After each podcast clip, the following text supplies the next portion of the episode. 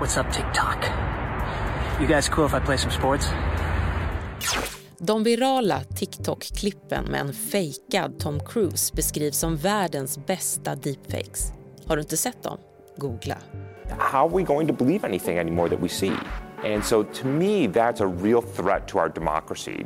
På en kvart berättar vi varför deepfakes inte kommer att utlösa ett kärnvapenkrig imorgon och om teknikens tysta offer. Det är torsdag den 18 mars. Jag heter Karin Bülow Orje och det här är dagens story från Svenska Dagbladet.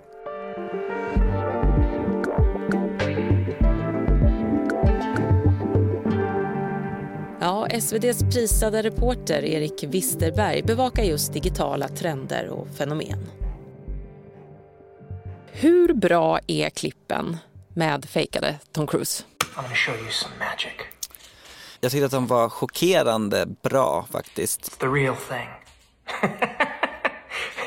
I mean, uh, Jag har följt den här frågan sedan kanske 2017 och väntat lite på när kommer det första klippet som är så bra så att man faktiskt blir helt tagen av det. it's all the real. Så när Tom Cruise tittade in i kameran och gjorde sitt karaktäristiska skratt, eh, då kände jag att nu är vi där. De här klippen fångade ju det mm, som har gjort eh, honom känd, alltså hans intensiva blick, hans skratt och hans maner så otroligt bra. Nu har ju skaparna bakom de här klippen trätt fram. Vad har det krävts för att göra så här bra, eller världens hittills bästa deepfake? Ja, några huvudingredienser i det här receptet är ju en jätteduktig visuell effektmänniska eh, som har jobbat med det professionellt. En Tom Cruise-imitatör, alltså en skådespelare som är väldigt duktig på att härma Tom Cruise. Det har också krävts tusentals bilder på Tom Cruise som har matats in i två stycken AI-nätverk. Men det stannar inte där, eh, för den här visuella effektkillen eh, som heter Chris Ume har sen gått igenom filmerna bildruta för bildruta för att korrigera saker som har blivit fel och ljussättning och så vidare. Så att flera månaders jobb eh, ligger bakom de här totalt fyra filmklippen som laddades upp på TikTok. Det tar ju det här till en ny nivå, eller hur? Verkligen, och det var ju också reaktionerna som man såg på sociala medier att folk var till lika delar förundrade, förbluffade som livrädda för att eh, de var så äkta.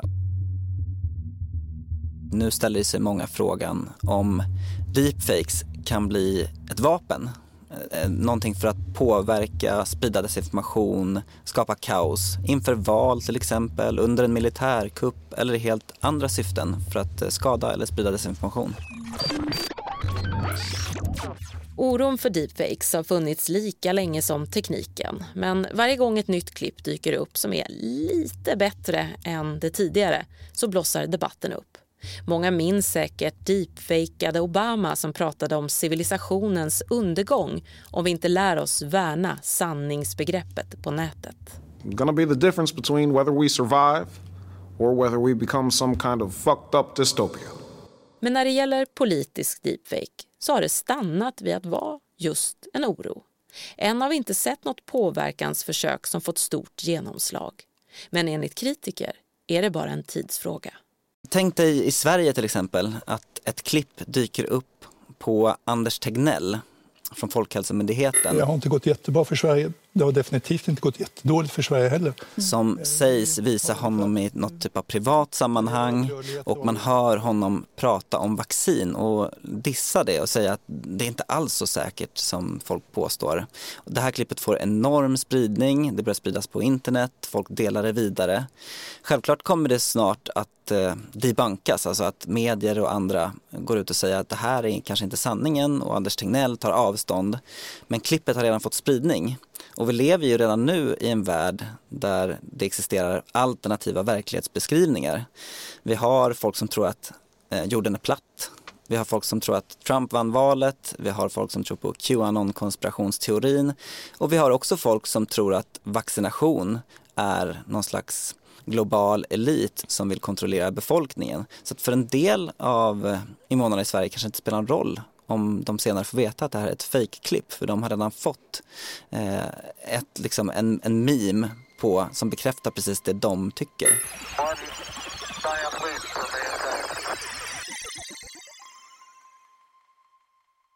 Men skulle du säga att i och med de här Tom Cruise-klippen att vi är där idag, att det är så bra att det faktiskt är svårt att skilja verklighet från lögn? I den eh, omedelbara reaktionen så går det ju inte att eh, snabbt se att så välgjorda klipp är fake. Sen om man sätter sig och går igenom dem bildruta för bildruta så eh, har folk gjort det på de här Tom Cruise-klippen och sett små saker som pekar på att det är fejkat. Men eh, problemet är ju att eh, den typen av avslöjanden kommer ju komma mycket senare än spridningen av det ursprungliga klippet. Precis, nyhetsflödet, reaktionerna, det går mycket snabbare än tiden det tar att analysera sådana här klipp. Ja, speciellt tror jag spridningen i sociala medier för att jag tror de flesta medie, stora medieredaktioner eh, kommer nog vara på sin vakt eh, gällande deepfake-klipp. Hur, hur stor påverkan tror du att den här tekniken kommer att ha på vårt samhälle framöver? Jag tycker det är väldigt svårt att säga och jag tror att vi står lite på en, vid ett vägskäl nu. Om lagstiftning hänger med, om de stora teknikplattformarna hänger med och om vi journalister hänger med eller om liksom, världen kommer låta sig luras av allt bättre deepfakes.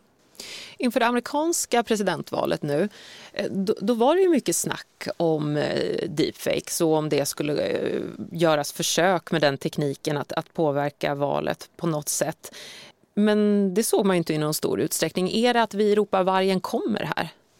Så kan det ju vara. Det var ju lite ett antiklimax för deepfake-dystoper, eh, presidentvalet 2020. Samtidigt får man väl tänka också att där hade vi också en presidentkandidat som hade väldigt flexibelt förhållande till sanningen eh, i sig. Så att där kanske inte behövdes deepfakes. Det kommer nya val också och deepfakesen blir bättre och bättre. Så jag tror inte man kan avfärda det bara för att det inte hände just där och då.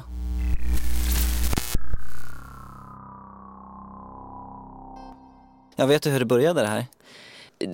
På äh, nätet, jag på säga. Det började med porr, som, ja. som så ofta förut. Ja. 2017 så dök en användare på nätforumet Reddit. Då var det ett ganska nischat nätforum och där dök det en användare upp som kallade sig för deepfakes. Hans specialitet det var att ta eh, porrfilmer och byta ut ansiktet på porrskådespelaren eh, mot en kändis ansikte.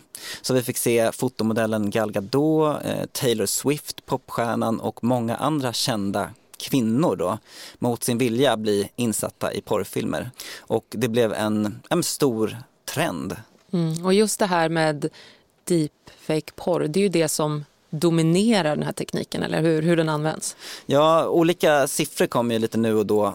Över 90 procent, ibland 95 procent har man nämnas av alla deepfake-klipp som har florerat på internet sägs vara någon, någon, form av porr. Och det har också blivit eh, tragiskt nog ganska stort med så kallad hämndporr, alltså att folk eh, gör det här för att skada kanske en tidigare flickvän eller någon tjej som de är arga på eller kanske vill utpressa This is the deepfake video of me. That's not my body. That's not me.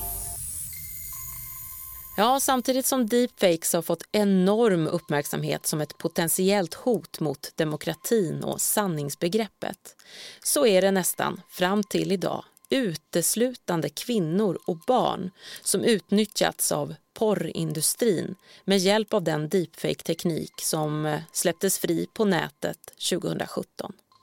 Men än så länge har inte ett enda land i världen infört lagar på nationell nivå som förbjuder att man använder kvinnors och barns ansikten mot deras vilja i deepfake-porr. Eh, har man någon, någon chans att sätta ner foten och, och få upprättelse om man blir deepfakead? Det är ju olagligt i Sverige med det som brukar kallas för hämndporr. Så kanske skulle det här kunna falla in under den typen av brott eh, olaga integritetsintrång eller någonting annat. Det får man nästan fråga en jurist om och, och det måste ju också prövas i domstol innan man kan säga någonting alls om det. Sen är det ju på gång lagstiftningsprocesser på olika håll i världen. Kalifornien till exempel, de har Eh, redan förbjudit politiska deepfakes eh, inför val, 60 dagar inför val tror jag. Jag vet att det har pratats om det här på EU-nivå också, det har motionerats om det i Sveriges riksdag. Eh, men det återstår väl att se. Jag skulle tro att det behövs mm, lagstiftning på, på global eller EU-nivå om man vill verkligen stävja det här, om det finns en sån vilja från politiker. Det finns ju en stor oro för vad den här tekniken kan användas till och vi har ju redan sett hur utbrett det är eh, med deepfake-porr till exempel. Men vad finns det för positiv användning för den? Ja, det har skapats mycket kul eh, med deepfake-liknande teknik. Gillar du Star Wars eller? Ja, inte ett jättestort fan. Men, men jag, jag kan uppskatta det. Jag är uppvuxen med det. Med det. Och eh, i, i slutscenen till exempel av Rogue One, en av de här senare filmerna som gjordes, där fick vi se prinsessan Leia i ung skepnad i en episk slutscen när, när, man, när hon tog emot ritningarna till dödsstjärnan. What is it they've sent us? Hope liksom man ryser nästan när man bara pratar om det. Men, och, och, det var ju inte hon, det var en norsk skådespelerska som eh, hade liksom agerat och sen hade man klistrat på Carrie Fishers ansikte. Och mycket där har det ju varit att det har varit underhållning eh, som vi har fått ut av deepfake. Alltså filmgrejer, man har sett utställningar, Salvador Dalí till exempel har kommit till liv och också mer seriösa saker som att förintelseöverlevare eh, har liksom spelats in på det här sättet så att de kan berätta inom citationstecken då, för framtida generationer om sina upplevelser. Så mycket underhållning, kultur och den typen av saker. Men tycker du att de här positiva användningsområdena väger upp mot det negativa som tekniken kan användas till? Om man ser det så här, eh, artificiell intelligens som det här bygger på. Om man tittar på andra områden så har det potential att lösa stora samhällsproblem. Man kanske kan träna AI att upptäcka olika cancerformer, hjälpa oss att bekämpa liksom, klimatförändringar, hitta smartare sätt att framställa energi, stora frågor. Och det man ser i liksom, den positiva skålen för deepfakes, det är mer så här, kul saker. Eh, vi får lite bättre filmer, vi får något att skratta åt på sociala medier. Eh, så man får väl bedöma själv där. Men, men hittills har det varit lite mera light. Men varför utvecklas tekniken då? För jag menar det här görs ju inte i någon källare någonstans utan det här är ju framstående forskare vid stora universitet som, som jobbar med den här tekniken. Folk tycker om att bryta ny mark. Det finns ju också människor som vill göra en karriär av det här, alltså jobba med det inom film, tv där det finns ett uppenbart användningsområde. Alltså Tom Cruise, han kan ju spela in Mission Impossible eh, 192, 2072 eh, eller vad man nu vill tänka sig. Alltså det öppnar ju nya möjligheter för att producera innehåll. Och sen så finns det ju också på något sätt teknik som börjar bubbla den kommer alltid utvecklas oavsett vad vi tycker om det. Eh, internet har ju lite egen logik på det sättet att det, det drivs framåt. Trots att den kanske mest har negativa effekter? Ja, och det kanske inte går att stoppa heller oavsett vad vi tycker om det. How about this? Simply, President Trump is a total and complete dipshit. Now, you see, I would never say these things. At least not in a public address. Men Erik, när har vi deepfake som ett filter i mobilen? Redan nu finns det ju möjligheter att skapa liksom, enklare deepfake-liknande klipp. Man kan göra allt från de här liksom, eh, lite avskyvärda eh, porrsakerna till mer skojiga saker, byta ut ansiktet. Det har funnits sådana filter i Snapchat till exempel där man kan byta ut ansiktet. Jag kommer ihåg det här appen. MyHeritage, en släktforskningssajt, har precis gjort viral succé där man kan liksom eh, ge liv åt gamla foton och sådär. Så att den typen av saker är redan här om man tar det till den nivån som det här Tom Cruise-klippen var på. Eh, där är vi ju inte än och det tror jag kommer att dröja ett antal år eh, innan vi kan komma till att du och jag kan göra det i våra mobiltelefoner. Och hur kan vi förbereda oss då inför den dagen när den här tekniken finns för alla? Jättestor fråga. Men om man tittar på vad Chris Hume sa, han som gjorde de här Tom Cruise-klippen och som ju älskar den här tekniken.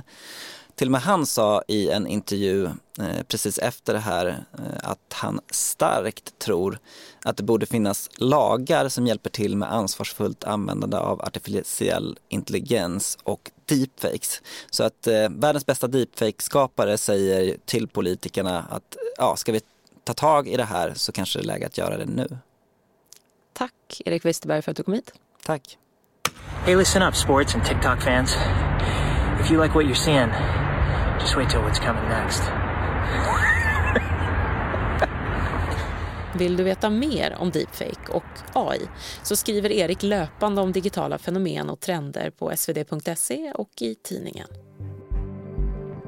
Vi som gjorde programmet idag var producent Daniel Persson Mora, redaktör Maria Gelmini och jag heter Karin Bylov Orje. Dagens story från Svenska Dagbladet ger dig djup och perspektiv på de viktigaste nyhetshändelserna. 15 minuter varje vardag.